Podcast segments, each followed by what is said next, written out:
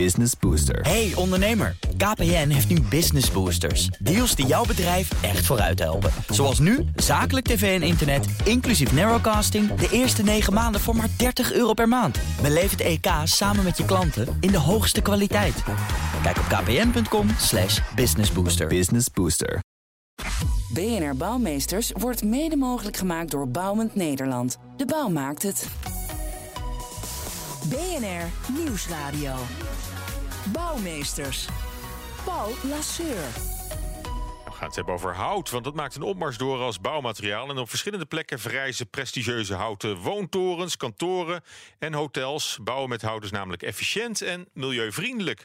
Gaat hout ook voor fundamentele veranderingen zorgen in de bouwsector? Daar ga ik over praten met Jan-Willem van der Kuilen. Hij is hoogleraar houttechnologie aan de TU Delft uh, en in de Technische Universiteit in München. Hij komt ook tot ons vanuit uh, München. Hartelijk welkom. En Matthew Vola is hier wel in de studio, directeur bij Aroep, een internationale, uh, internationaal ingenieursbureau dat onder andere meewerkte aan het Opera House in Sydney en in Nederland aan het Rijksmuseum. Ook hartelijk welkom.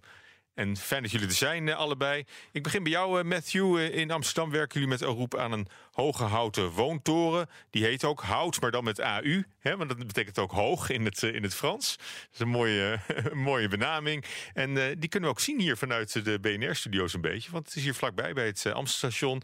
Uh, jullie bouwen ook het... Nieuwe kantoorgebouw van DPG, dat ook voor een belangrijk deel uit hout is opgetrokken. Wat maakt bouwen met hout voor jullie zo aantrekkelijk? Nou, je noemde het net zelf al, uh, uh, Paul. Uh, bouwen met hout maakt het vond aantrekkelijk. In eerste instantie, hout is genoeg aanwezig. Hè, dus hout is een oneindig materiaal. We kunnen het groeien. Het groeit onder invloed van de zon. het tweede wat een aantrekkelijk materiaal maakt, is het. ja, je kent het begrip boomkruffenaars wel. Mm -hmm. hout is een ontzettend. mensen houden van houten vloeren. Dus het is een heel erg prettig materiaal om, om mee te werken. Uh, derde is de duurzaamheid. Dus hout is een van de weinige materialen die wij uh, als constructeurs, als bouwers tot onze beschikking hebben, die op industriële uh, schaal produceerbaar is en die CO2 opslaat in plaats van uitstoot. Ja, goed, maar, dat... maar, maar, alles en iedereen is gewend om te bouwen in, in beton hè, vandaag de dag. Kan je dan zomaar eens zeggen ineens van, nou, we gaan gewoon nu in, in hout verder? Of, of moet je daarvoor nog wel wat, wat hordes nemen om in één keer met een heel ander materiaal te gaan werken? Nou, op, de, op dit moment wat we, wat we merken is dat, dat hout nog... Um, toegepast wordt in de, in de speciale projecten. Hè. Wij zien dat het project hout als een soort wegbereider. En wat wij hopen en verwachten is dat echter dat hout wel steeds uh, meer zijn intrede zal doen op een industriële schaal. En voor een deel beton uh, en staal zal gaan vervangen.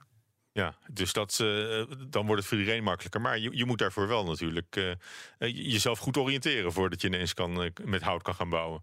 Ja, je, de, de, de, dat daarvoor wel kennis in de markt nodig zijn. Dus de, de, ont, de ontwerpers, architecten, ingenieurs, uh, bouwers zullen meer kennis moeten opdoen in het bouwen met hout.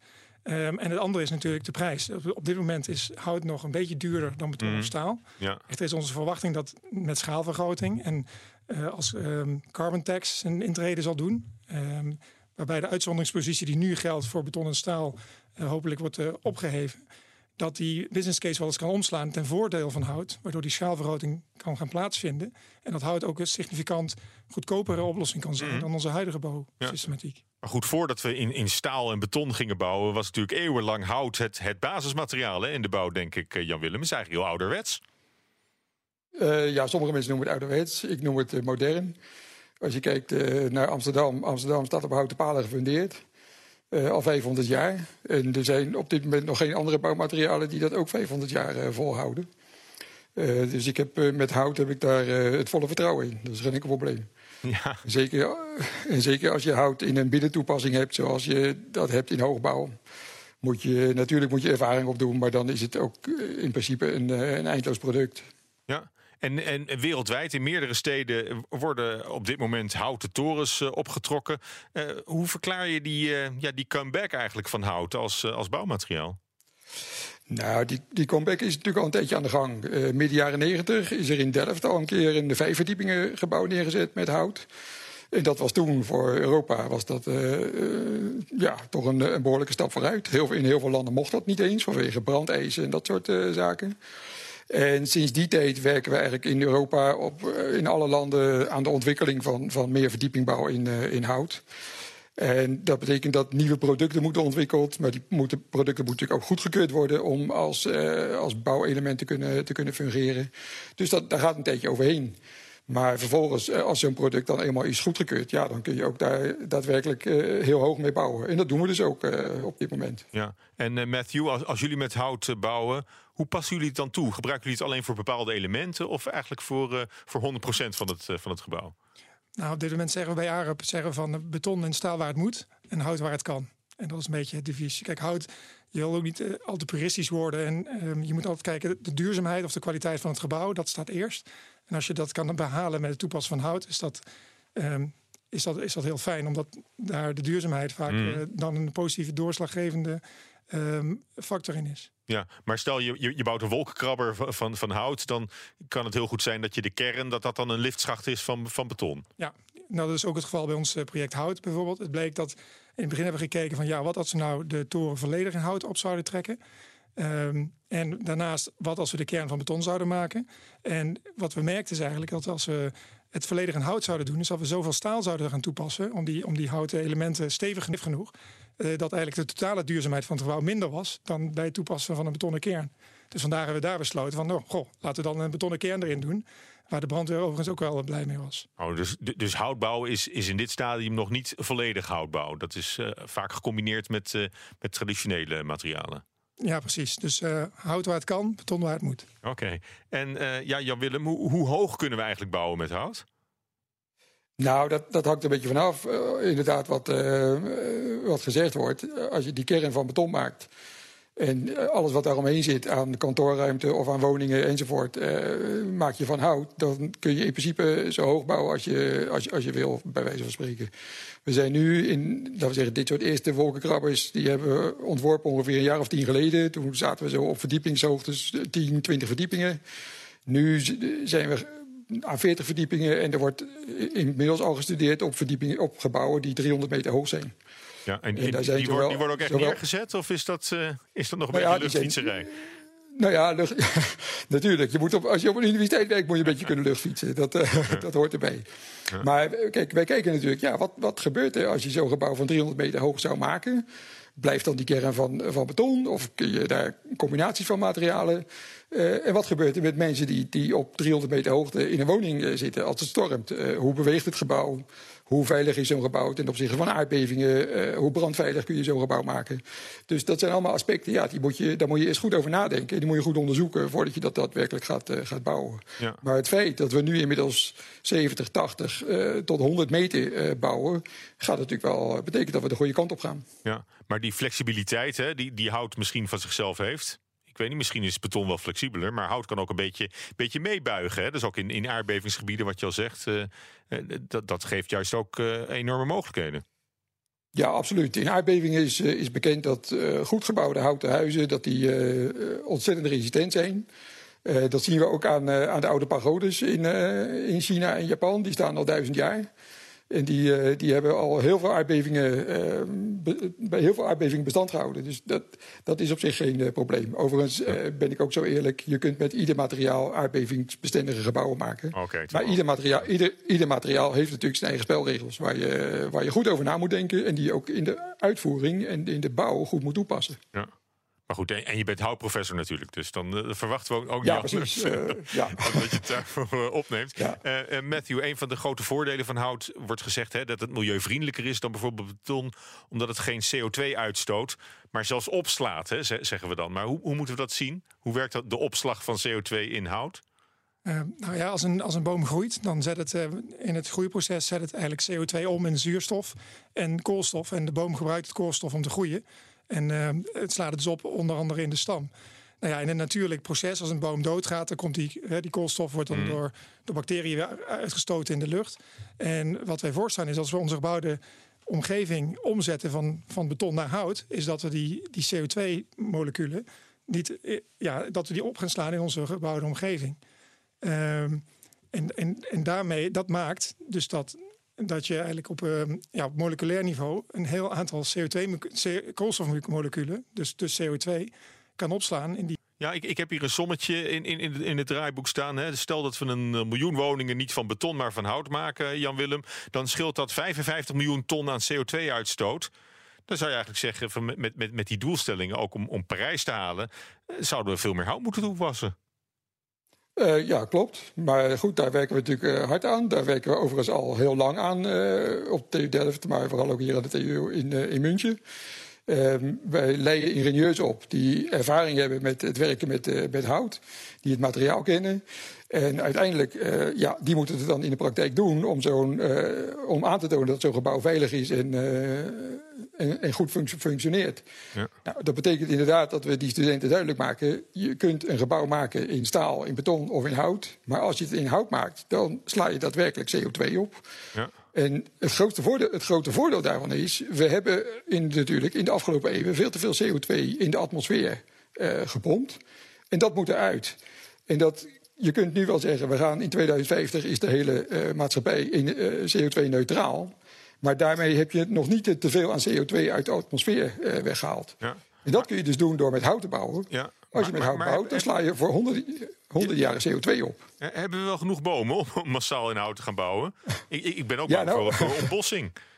Ja, dat is een, een zeer terechte vraag. Um, daar kijken we ook naar. We hebben satellieten die de, aard, de aardbol uh, omcirkelen. En we weten dat we ruim 400 bomen per uh, persoon op aarde uh, hebben. Uh, dus als we dat nou goed doen en als we een boom omkappen, dan planten we drie nieuwe kleine jonge bomen. En dan halen we na 20 jaar halen we er eentje uit het, van die drie uit het bos. En na, na 60 jaar halen we er nog eentje uit het bos. En dan die derde die laten we groeien totdat die volledig uitgegroeid is, zeg maar 100, 120 jaar. Dan hebben we een perfecte circulaire economie. Oké, okay, en, en, en Matthew, wat voor soort hout gebruiken jullie dan? Wat, wat is het materiaal? Um, ja, voor voor de CLT gebruiken we um, Europees naaldhout. Uit duurzaam de CLT, dat is, dat is het, het laminaatmateriaal eigenlijk. Ja, het kruislaagst gelamineerd hout, waarmee we eigenlijk houten platen van maken. Dat doen we van, uh, van kleine stukjes hout die we, die we aan elkaar lijmen, waardoor we hele grote elementen krijgen. En die we vervolgens um, bij elkaar brengen tot, uh, ja, tot kantoren, woontorens, et cetera. Ja. En dat is eigenlijk niet de, de lijm dan waar, waar je mee bouwt. Want nee, je nee. hebt ook lijm nodig om die, om die houtvlokken, snippers bij elkaar te houden. Ja, op dit moment is het nog steeds wel uh, een, een, een, olie gebaseerde lijm. Echt, dat is zo weinig materiaal vergelijken bij het hout. Je moet denken aan minder dan 1%. En er zijn natuurlijk ook ontwikkelingen nu om die ook biobased te maken. Paul Lasseur. Ja, zometeen praten we verder over het uh, bouwen met hout en hoe we dat ook financieel aantrekkelijker kunnen maken. Maar eerst. BNR Bouwexpo. Ja, met uh, Lotte Elbrink. Dag Lotte. Hi Paul. Ja, we gaan het hebben over een nieuwe manier van isoleren. Want de traditionele isolatiematerialen die kunnen binnenkort de prullenbak in. Nou ja, bij isolatie denk je waarschijnlijk aan uh, allerlei verschillende laagjes en materialen als glaswol, piepschuim of folie. Maar het Rotterdamse architectenbureau Cocon heeft nu wat nieuws bedacht. Uh, dat heet het isoskelet. Um, in de koude winterdagen houdt het skelet een gebouw warm. En in de zomer helpt het juist om de warmte kwijt te raken en te verkoelen.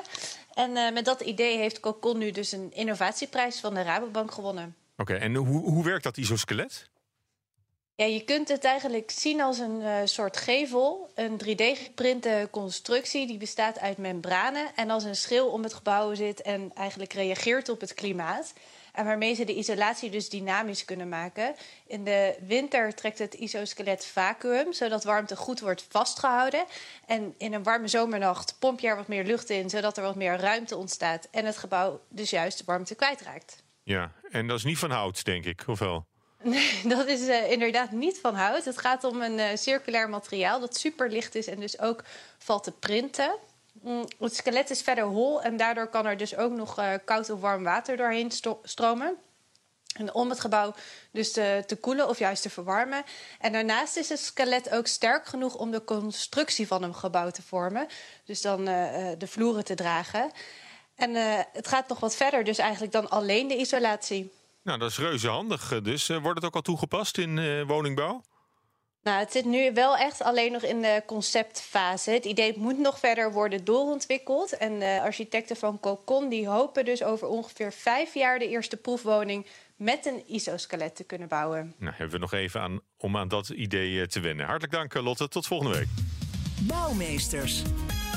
Waarin we verder praten over bouwen met hout. Wanneer gaan bouwers het op grote schaal toepassen in de normale woningbouw? En uh, ik praat erover met uh, Matthew Vola. Hij is directeur bij ingenieursbureau Aroep Nederland. En Jan-Willem van der Kuilen, hoogleraar houttechnologie aan de TU München en de TU Delft. Ja, uh, ik kom nog even terug op, op, de, op de toepassing van hout in de bouw. Want er zitten natuurlijk ook al wat nadelen aan. Daar hebben we het ook al kort over gehad. Maar het zou gehorig zijn en, en brandgevaarlijk. Hoe lossen jullie dat op, Matthew? En, en, is dat wel terecht? Ja, de, um, kijk, als je alleen een houten gebouw toe zou passen... dan zijn die, uh, zijn die zorgen terecht. En hout brandt. Um, en hout is heel licht. En omdat het niet weinig massa heeft, laat het ook geluid door... Echter met uh, goede engineeringsoplossingen, zoals sprinklers of uh, brandwerend plaatmateriaal of het, het, aanbrengen in laagjes, kun je die, die, die, die gevoeligheid voor geluid en die brandwerendheid op hetzelfde niveau brengen als een betonnen gebouw. Oké, en de, de duurzaamheid in de zin van hoe lang het meegaat, hè, hout? Want we kennen natuurlijk houten constructies die al, uh, al honderden jaren oud zijn. Maar uh, is het op de lange termijn net zo sterk als, uh, als beton, Jan Willem? Ja, absoluut. Daar hebben we inderdaad geen, geen twijfel over. Um, we hebben uiteraard ook hout onderzocht uit oude gebouwen. En wat we zien, ook als die oude balken drie, vier, vijfhonderd jaar oud zijn... dan is het sterkteverlies is, is, is nihil. En natuurlijk is het zo dat materialen, alle materialen langzaam verouderen... Maar het, het, materiaal hout, en dat zien we ook aan bomen... sommige bomen worden meer dan 2000 jaar oud... dat blijft in principe gewoon, uh, dat houdt zijn sterkte. Natuurlijk is het zo dat we moeten kijken naar de duurzaamheid van het materiaal. Hout is een biologisch materiaal, dus het wordt ook biologisch afgebouwd. Maar als we hout in een, uh, in een binnenklimaat toepassen... en dat gebeurt natuurlijk in kantoren en in, in woongebouwen... dan is daar echt geen, geen, geen enkele vraag ten aanzien van de duurzaamheid. Oké, okay, en, uh, op, dit, ja, op dit moment, de laatste jaren, uh, wordt, uh, wordt vooral ja, prestigieuze hoogbouwprojecten neergezet. Hè? Showcases van kijk, ons is met, met hout bouwen. komt het moment ook al dichterbij dat we voor de normale woningbouw hout op grote schaal kunnen gaan toepassen? Nou, in principe is dat, uh, is dat moment al, al lang gearriveerd. Uh, als je kijkt naar Londen, daar worden heel veel hoogbouw, of ja, wat we dan hoogbouwprojecten noemen. Maar dat zijn heel veel woningbouwprojecten die in de, min of meer in de, in de iets hogere sociale woningbouwsfeer uh, zitten. Maar een normale woningmarkt. En dat zijn gebouwen die, die gemakkelijk vier tot acht tot tien verdiepingen hebben. En daar worden ook projecten met, met 200 woningen neergezet. Nou, dus dat, wordt, dat vindt steeds meer ingang. Het is natuurlijk wel zo dat heel veel van de technologie en de kennis om die gebouwen te maken, dat die voornamelijk in, in Midden-Europa is ontwikkeld. Daar zijn de fabrieken die de producten maken, maar daar is ook de kennis eh, om die, die, gebouwen dan geluid, eh, dicht, geluid isolerend te maken op een niveau dat je, eh, dat je dat accepteert, ook als, laten we zeggen, wat, wat duurdere consument, wat rijkere consument. Ja.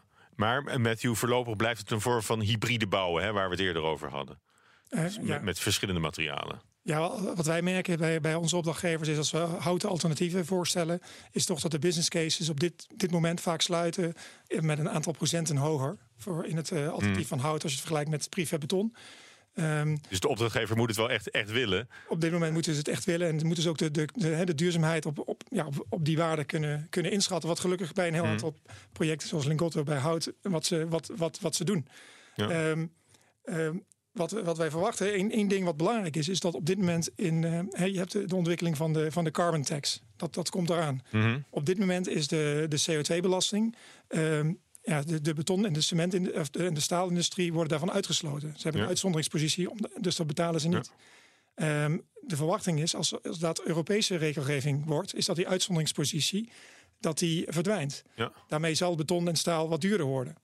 Uh, bij hout op dit moment mogen de embodied carbon, dus de CO2 die opgeslagen wordt in het hout, niet meenemen in onze berekeningen. Zou je eigenlijk moeten salderen dan? Je zou het eigenlijk moeten salderen. Ja. En als, als dat allebei zich door, uh, door zou zetten, dat zou een, een aardige uh, ontwikkeling zijn die, ja. naar ons idee, hout wel eens goedkoper kan maken dan beton of staal. Ja. En als dat gebeurt, zal er nog, nog meer schaalvergroting plaats gaan vinden, want er komt er een constante vraag en dan gaan de grote bouwers ook in die ketens nog meer investeren. Maar daar krijg je wel te maken met uh, de betonlobby, Matthew. Die, die zou heel sterk zijn en die zou eigenlijk de, ja, de, de, de houtrevolutie een beetje, een beetje tegenhouden in, in de bouw.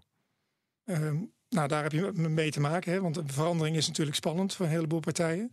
Ehm, nogmaals, ik denk dat het niet hout tegen beton is. Ik denk dat, uh, dat er genoeg mogelijkheden zijn voor de betonindustrie om ook te verduurzamen op eenzelfde manier. Ehm, en waarom gaan we niet nadenken over biobased beton? Mm. Ja, ja, goed. En of, of we zouden überhaupt een beetje moeten afkicken van, van de betonverslaving, hè, waar ook wel eens over uh, wordt gesproken. Nou, ik denk dat het aardig is als er een wat betere balans komt. Ja, ja. en uh, Jan-Willem, ja, die, die CO2-heffing uh, die is dus aangekondigd. Dat maakt de productie van, van beton en staal waarschijnlijk duurder. Maar zal het ook meteen automatisch een één op één een boost geven aan de houtbouw dan?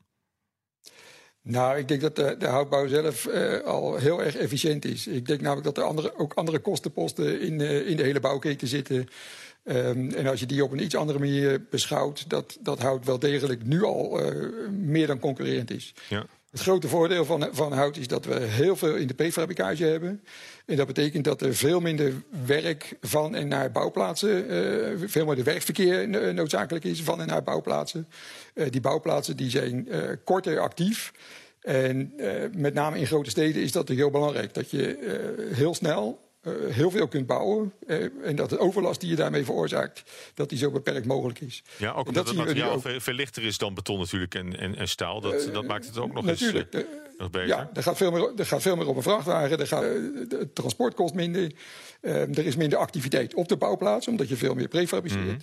En, we, en we zien ook bij grote projecten, grote bouwprojecten in Londen, die zijn absoluut financieel competitief. Nou, de Engelse markt staat, staat niet om, om haar bekend dat ze niet competitief is.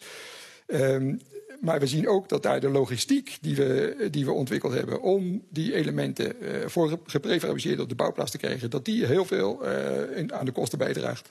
Ja. En, en natuurlijk is het zo dat het laatste steuntje in de rug is dan wellicht zo'n uh, zo carbon tax. Oké, okay, dus, dus regelgeving is, is nog, wel, nog wel belangrijk, denk ik, ook om een paar hobbels uh, te kunnen nemen. Maar wanneer denken jullie, en dat is, dat is de afsluitende vraag van deze uitzending, maar wanneer kan houtbouw echt een groeispurt uh, gaan maken, Matthew? Um, ik verwacht nu. Nu? As ja. we speak. As we speak. dat, is, dat, is, dat is al gaande. Uh, Jan-Willem, denk jij dat ook? Of, of moet er nog iets, iets gebeuren in de nabije toekomst om dat echt groot te doen worden? Nou, kijk, het kan, het kan altijd beter. Uh, maar die groeispurt die is inderdaad uh, in mijn ogen al aan de gang.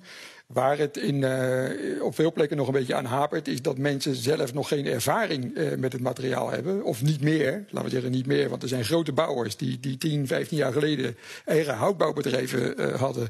Maar die ze in principe buiten de deur hebben gezet. En die kennis die moet nu weer een beetje opgebouwd worden. Nou, die kennis die, die leveren wij wel aan studenten. Maar dat is niet de enige, de enige in de keten om, om meer verdiepingbouw in hout te kunnen, te kunnen realiseren. Het gaat om aannemers enzovoort.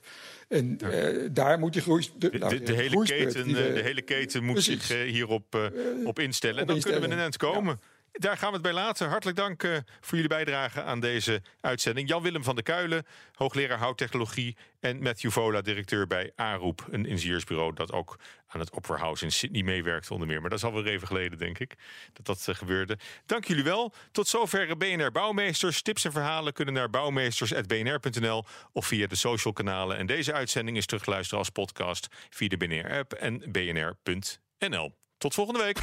BNR Bouwmeesters wordt mede mogelijk gemaakt door Bouwend Nederland. De bouw maakt het. Business Booster. Hey ondernemer, KPN heeft nu Business Boosters. Deals die jouw bedrijf echt vooruit helpen. Zoals nu, zakelijk tv en internet, inclusief narrowcasting... de eerste 9 maanden voor maar 30 euro per maand. Beleef het EK samen met je klanten in de hoogste kwaliteit. Kijk op kpn.com businessbooster. Business Booster.